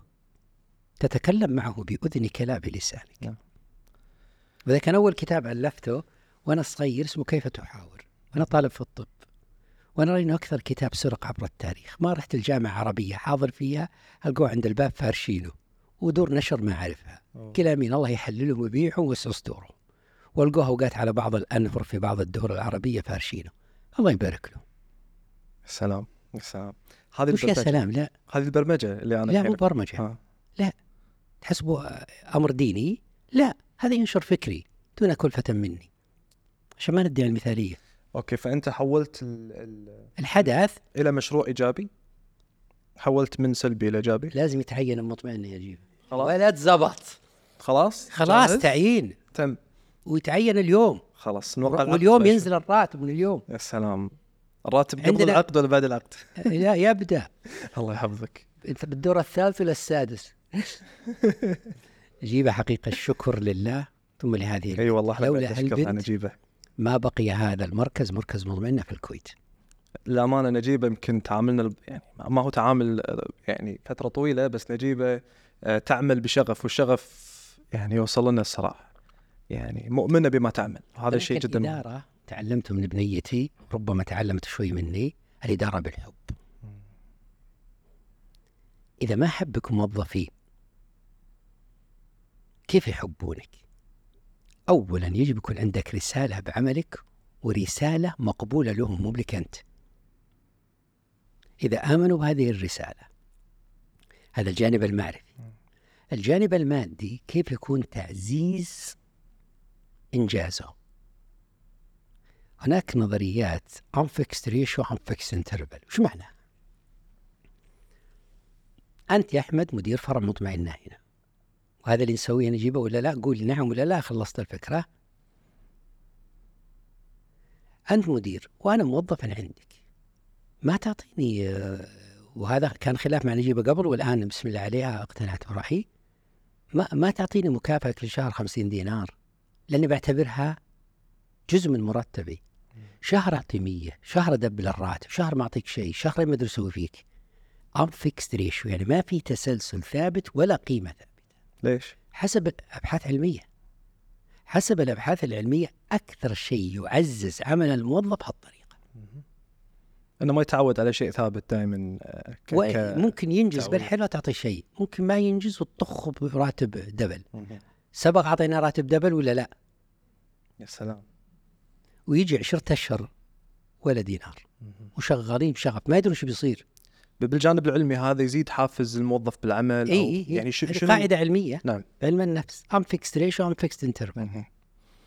آه، دكتور الحين ال- الناس اللي همها آه، بترضي الآخرين. الزين كذا ولا بالغتره تبي الصدق؟ البس. هو بالاثنين بس أنا كذي يعني أشوف تصدق لما أروح البلد. دائما ألبس لبس البلد. إذا رحت مصر ألبس الجلابية المصري. عايش. باليمن اوريك بالجوال أي. في اليمن نفس الشيء البس الخنجر والدنيا. عيش الجو شوي ولذلك عند السفر تقول بسافر يا أبو علي مع أخونا مديرنا هنا هل كاركتره في السفر نفس كاركترك ولا لا؟ ما تبي تسافر مع زملائك تقول الله يلعن يوم عرفت فيها الرجال أي. أنت المخطي ما فهمت كاركتره في السفر صح. بعض الناس ينفع لقاءات قصيرة نعم طيب أبى أسافر معه وهو حركة ما يقر. أنا لي صديق أقرب صديق لي في الحياة تعرفوا نجيب بنيتي تماما. في السفر ما ننفع البعض هو يحب يتحرك. مع أنه مشيته صعبة رجله فيها مشكلة ما يقر. وأنا جسمي صاحي أحب أقر. وش نسوي؟ كل واحد بمثال موعدنا نص ساعة نشوف بعض ونشبع من بعض. ألذ سفرة تصير عندنا. والله. أنت إذا حسبتها أنا مسافرين مع بعض. وهي حقيقة لا ما سافرنا مع بعض. ونردد يا زين سفرتنا ذيك السنة. هي تناسب. عرفتي من؟ محمد. يناسب. أنا رأيي هي ليست قماشا تبيعة. مم. إنما خياط تفصل ما يناسبني ما أفخمك في الحياة الزوجية نفس الشيء. ما أشوف بعض أقاربك يا أحمد. رجل مميز ومتزوج واحدة ما تسوى ريال. أو العكس بنت أحسن بنات وقت الرجال اللي قاعد مجلسكم ما يحسي جابونا راحوا أبونا أبو محمد. أفا؟ أبو ناصر؟ وش ذا؟ وش تقول عنه؟ تطابق. مم. لا تدخل بين اثنين متطابقين أصدقاء أو أزواج.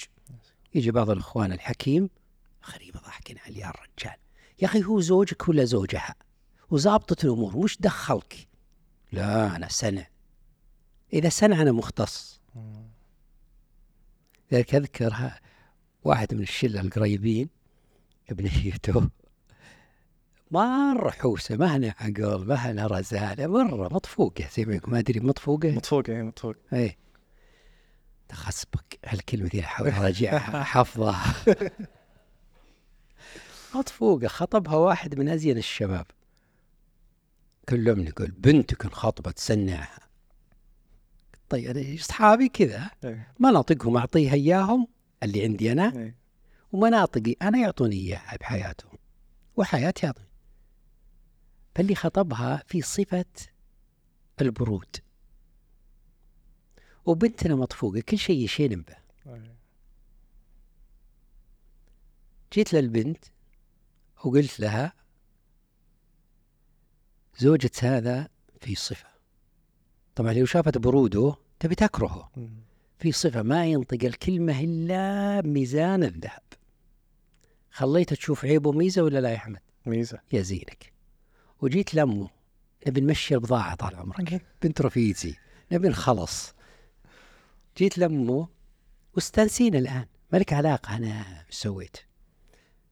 آه، جيت لأمه قلت شوف بنتنا فيها شيء مو بعندك فيها الحيوية. قدمت الهبال إنه حيوية. يا الله أنت غفر لي. بس الرجال مستانس. إذا شافه هبالة وش يقول؟ ما شاء الله عليه حيوية ما نم مثلها نعم. مشت الأمور؟ وعندهم عيال والأمور زينة. بس الحين أخو- إذا سمعونا وشافونا راح يعرفون نفسهم ولا؟ هم؟ هم راح يعرفون نفسهم الحين؟ يبلح كل أصدقائنا يزوجوا عيالهم وبناتهم كل واحد يبي حسب بنته العاقلة. بس فع- فعلا اليوم الناس إذا شافت ال- ال- الجوانب بدل ما تستعجل تشوفها عيب أو تشوفها ممكن شيء يأثر على العلاقة غير ال- المفتاح. وإشكالية بعض الناس يا سيدي أنه لا يتقن ما هو الحب. وأنا لي برنامج 30 حلقة عن الحب. ترى من آثار أجاثا كريستي ذيك تعرفها؟ أقول لي كنا نقرأ لها. إيه. فالقلب خضر. أوكي. فلي برامج 30 حلقة كل حلقة ضمن 20 30 دقيقة عن الحب اسمه أسرار. تفصيل علمي كامل عن الحب. وطبعا مزركش بالشعر. هالبرنامج سجلناه بتركيا. كنت طالع إجازة فكلمني مكتب وش قاعد تسوي؟ أنا ماخذ إجازات أبد قلت والله عيالي قال بلا عيالي بلا هم يلا شوف لك برنامج تلفزيوني وتعاقدوا مع آه، مؤسسة إعلامية تركية نعم طيب وش تبون الموضوع؟ قال دبر نفسك. قلت يلا نحكي عن الحب. وتفتح الله على قلبي 30 حلقة. المهم الشاهد يوم من الأيام جيت للوكيشن قالوا مغيرينه. قلت وين؟ بيت مهند ولميس. أي وش يسوون بهالديرتي؟ مسلسل أهل عنيزة. ما مثل من أول. أي. مثل بيت مهند قلت ما نبي مهند ولا شيء نبت خلونا بذا قريبين دام صار له قصة عن إيه. الحب ذي. عارف شوية. جت على بالي كنت مرة في الأردن ما أجمل أهل الأردن النشامة. وبعدين وكنت صلاة الجمعة يعني نقدم أجمل تحية وتقدير وزير الأوقاف الأردني وزير الشؤون الإسلامية. قال يا طارق روح صلي جميع. المهم إحنا قاعدين بأمان الله ننتظر الخطيب يجي. الشرط لي قال تفضل. شو تفضل؟ عندهم في خطبة قبل الخطبة. أي. ترى أغلب الدول العربية خطبة قبل الخطبة. قال تفضل. إيش العلاقة إيش العلاقة أنا اكتئاب قلق خذ رجال هم اتقوا الله وكذا مو هم ملعبي في آخرين يا دكتور أقول له. أشر على الناس والتفت إذا الناس كلهم مؤشرين له قوموا يخاطب اي هذا مو بالشاهد يا أحمد. أنا عادة مثل معك ما اتفقنا على شيء. صح. برامج التلفزيون ما اتفق ولا شيء لأن الولادة أجمل من الترتيب.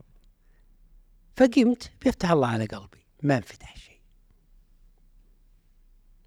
يوم التفت مر ينفتح شيء الحب. يا ولد يا مسلم عيب عليك. الناس بصلاة جمعة تحسي على الحب. ما انفتح شيء ولازم احسي فقلت بسم الله والص... وطول بالصلاة والسلام على أبى أطول أبى, أبي شيء ثاني يجي. إي. ما جاء شيء إلا الحب. وأبدأ حدسي عن ليلى وقيس. أوه. والناس يناظرون بيضحكون يبي يعجبون ثم لا تورط تدخل خديجة رضوان الله عليها مع النبي صلى الله عليه وسلم. هو ما ادري يدخل جميل بثينه وكثير وعزه ما ادري إيش ضغطوا ذاك اليوم. بالعاده أنا دخلت على منطقة الرسول تنفتح لي آيات صلى الله عليه وسلم. ثم أجي شوي وأرجع على سيد الإمام علي بن أبي طالب رضي الله عنه وسيده النساء فاطمة الزهراء وكذا. ثم ما ادري شو يدخل علي؟ قيس الثاني. غير قيس ليلى قيس لبنى. ترى ما اثنين. آه إحنا نعرف قيس إيه وليلى. لا لا لا اثنين قيس لبنى وقيس ليلى. وش جمعهم وش جمع حلو على مر سواهي حالة الحب الكأس المرير. والله. عن الشعر عن الحب في الشعر. والشيخ الدكتور وزير ينزل راسه رفيع زلي. شاف الورد فذاك اليوم هو كده حدسي عن الحب. قلت يا ولد ما دام خربت خلاها خربانه خلاص كمل. انت المفروض ادخل اخر واحد سي واقعد والامور روح بالشرك مشت زينة. تحية للأردن واهله يعني الحب الحين إحنا عايشين الحب بشكل ال- ال- آه، المفترض يكون ولا نفس الشيء الحب أيضا هو قماش ويتفصل على الأشخاص. عندنا الحب وعندنا الطلاق. الحب مشروع والطلاق مشروع. يعني لما تكلم عن الحب جاني فكرة الطلاق خفت انساها قلت ارميها كذا ما أرجع لها. الحب مشروع مو بحالة قلبية مشروع عقلي. مو بالقلب؟ ليه؟ المحب يمر بمرحلتين. المرحلة الأولى حالة الاستثارة. ثم الثانية حالة التصنيف. أنا قاعد كذا كوفي ومرة بنية. أنا بنية وقاعد ومر شاب. استثارة مش الشهوية الشهوانية كذا فزة تجي. بعدها التصنيف أنا ما أقدر أعيش بدون هالبنت. أنا ما أقدر أعيش بدون هالصبي حلوة الصبي تمشي صبي، ما إيه. تخزبق اي نفس تخصبك اي. تزرق. ودياي يا زين الكويت وأهلها. زين. ف... فقلبك يفز. أو أو القلب يفز. الاستثارة. الاستثارة. تكلم عن نعم. هاتفيلد. نعم. ثم بعد يجي التصنيف. أنا ما أقدر أعيش بدون هالبنيه هذه نجيب غير المراحل الثلاث ذيك بشرح لكم؟ زين. بعدها تيجي التصنيف. أنا ما أقدر أعيش بدون هالصبي. أنا ما أقدر أعيش بدون هالبنيه ما أقدر كذا كذا. إذا حالة الاستثاره بعدها بعض الناس يشوف يستثار. أعوذ بالله من هالفساد. هذه تصنيف. إزالة. إذا أنت تستطيع لو فهمت الحب أنه عند أي حالة استثارة وش تسوي؟ أن تؤجل التصنيف يا أحمد. وأن تقل التقييم اللي هي ال- ال- النقطة اللي بعدها. التقييم. أي. في مراحل الحب ثلاثة. هذه في مراحل البداية. الأولى التعلق. والثانية التقييم والثالثة التكيف. التعلق شلون؟ ما أقدر اعيش بدون هالبنية الحياة معها على خبزه وجبنة والكلام هذا الكثير. هذا اللي نرفضه ببناتنا وعيالنا مرحلة من مراحل الحب مو بهبال. التعلق إيه. المرحلة اللي بعدها التقييم. شو التقييم يا. ما مزايا الإنسان ما عيوبه. والمرحلة الثالثة التكيف. جزمت على هالوليد أو الصبي جزمت على هالبنية خلاص أتكيف وغض الطرف. وإذا غض الطرف في الطرح الإسلامي ترى طرح نفسي. لما أقول غض الطرف مو من حرام ما حرام. لكي يحافظ على متعتك أنا في قراءتي النفسية له غض الطرف. غض الطرف إنك ما تركز على العيوب؟ لا غض الطرف مثلا عد- عدم رؤية المحرم. آه تماما؟ اي ولحفظ للحب. مو منع للمتعة. هذا دين متعة ترى بأطروحته. أنا الآن أقرأ نفسيا أقرأ دينيا بزاوية النفسية. يعني لو جتك مثلا أختك ومتعلقة بواحد عيب عليك ما عندنا بنات كذا هذه جريمة منك.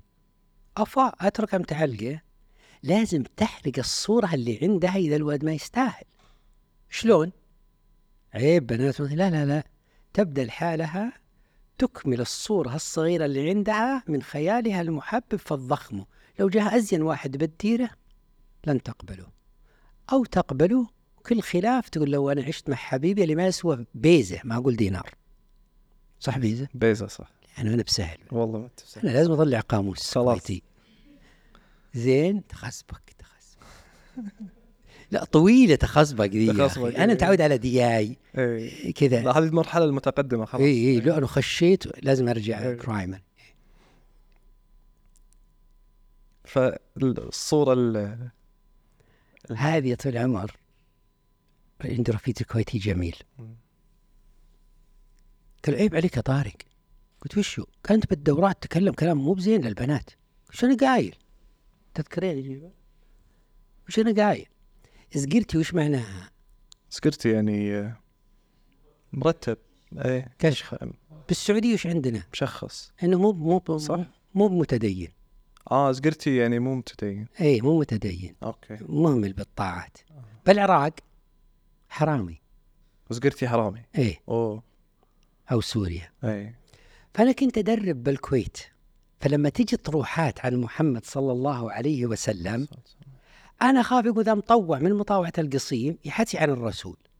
قلت يا بنات يا شباب ترى يزقرتي. هذه بالريال ما هي بالدينار. okay. قصدي من مو من تدين. هذا الكلام من علم. يا حليلين يتبسمن. أنا ما أدري حسب مركزات بكلامي. أي. رفيقي علمني عقب عيب عليك. قلت شيء وش أنا مسوي؟ عيب عليك وش كم تقول؟ قلت وش قلت؟ عقبة فطنت وبديت ما أقول زقرتي. اي فهموني زقرتي معناه كذا لما تقول يا جماعة ترى زقرتي. زقرتي يعني مزيون ومرتب. عيب عليك. ما قصدي كذا ما أفهم.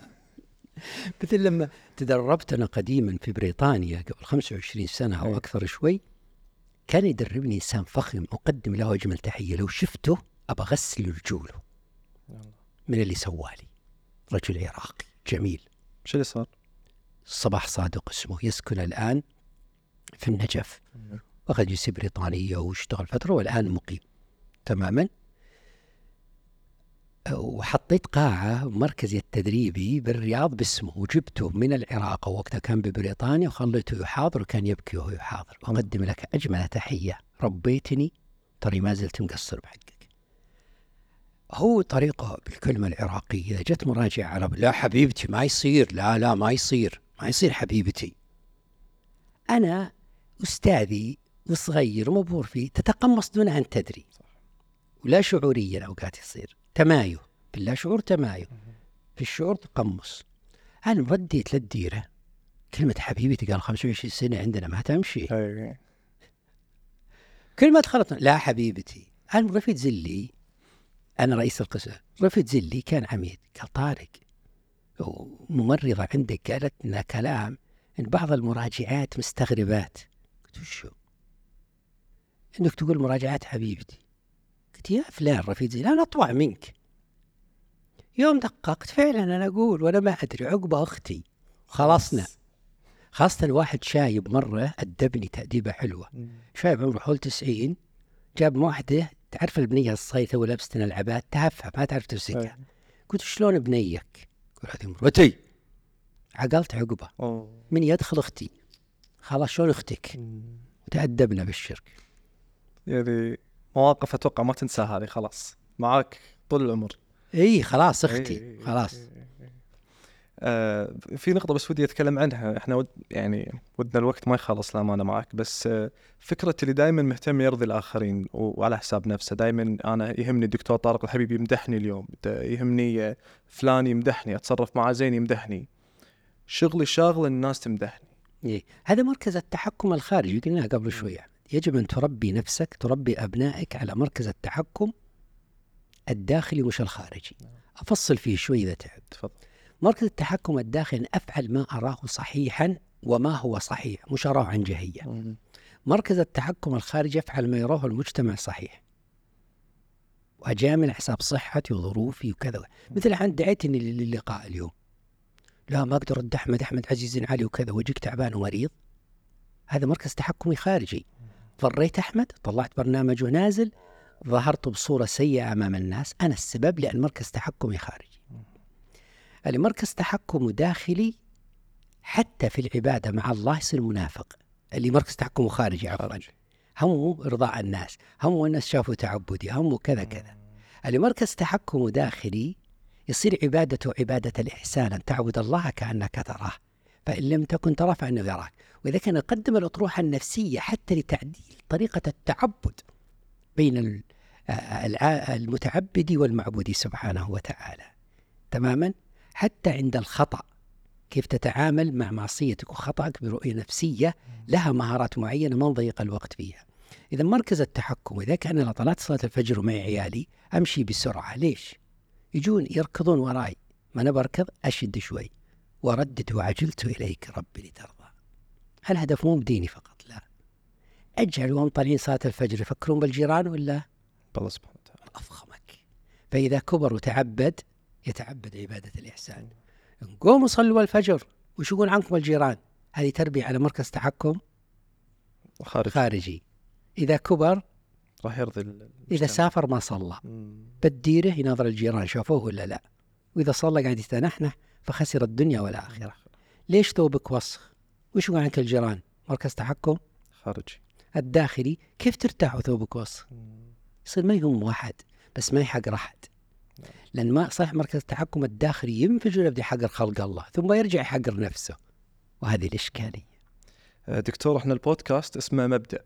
وفي مبدأ نتبنى نشر المعرفة.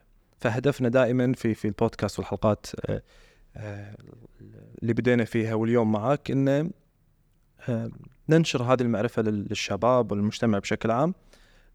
ودور اليوم اللي قدمته لنا جدا كبير استمتعنا فيه ويعني والله جمالي جاء من جمال يا الله أحمد ولا أقول لا مجاملة أنت حبيبي من زمان وأتابعك إعلاميا وأتشرف بذلك. المذيع هو يشكل. الضيف أنا ودي حدثي عنك شوي؟ عادي. مخرجنا. يس ما تقدر تقول لا أصلا؟ لو قلت لا تفضح. لا بس يزينك. لكن أنت قال نعم.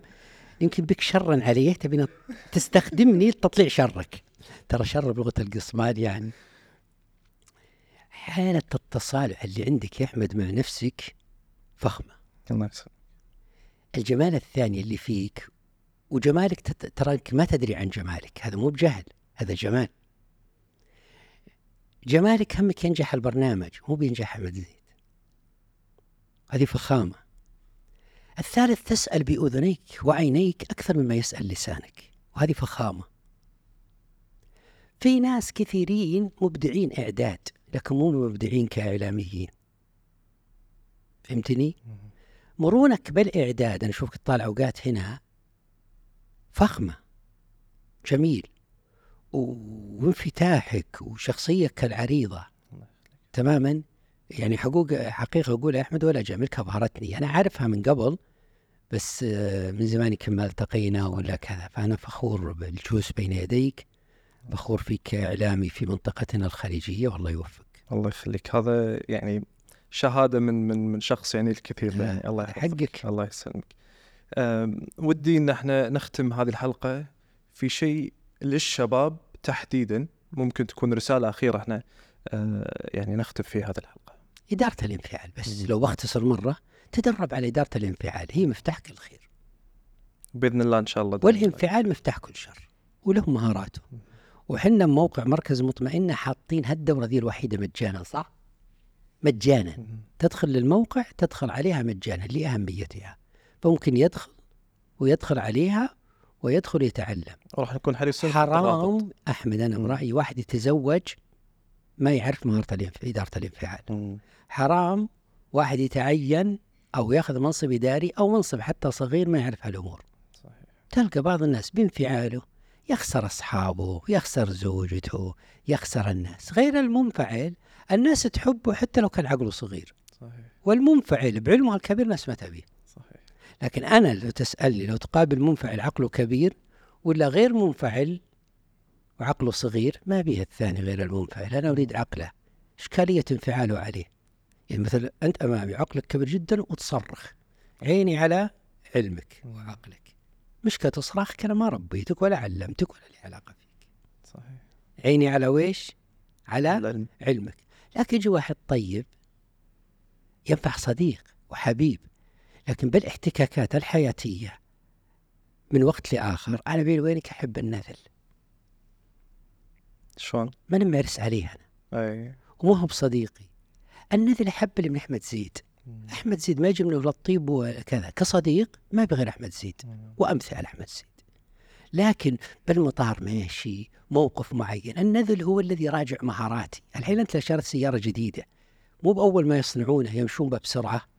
يطلعون إذا فيها أي شيء. صح. النذل هو يطلع عيوبك. الطيب مثلك ما يطلع عيوب. ما شاء الله عليك طارق. شفت الشين؟ لا يا طارق ما شاء الله عليك. شفت الزين؟ ما شاء الله عليك. شو استفدت منك يا أحمد؟ زيد كعارض أي. كصديق أشربك الدنيا. وضحت الفكرة؟ ولك بعض الناس لما يقابل أحد بس ينتقد. فلان طويل فلان قصير مش علاقة. شوف الزين اللي فيه. الشيء ما له علاقة فيه. الزين ما أشوف إلا الزين. وذلك قصة مشهورة عني ما أدري سمعتها. ولا لا. إبليس وش رأيك فيه؟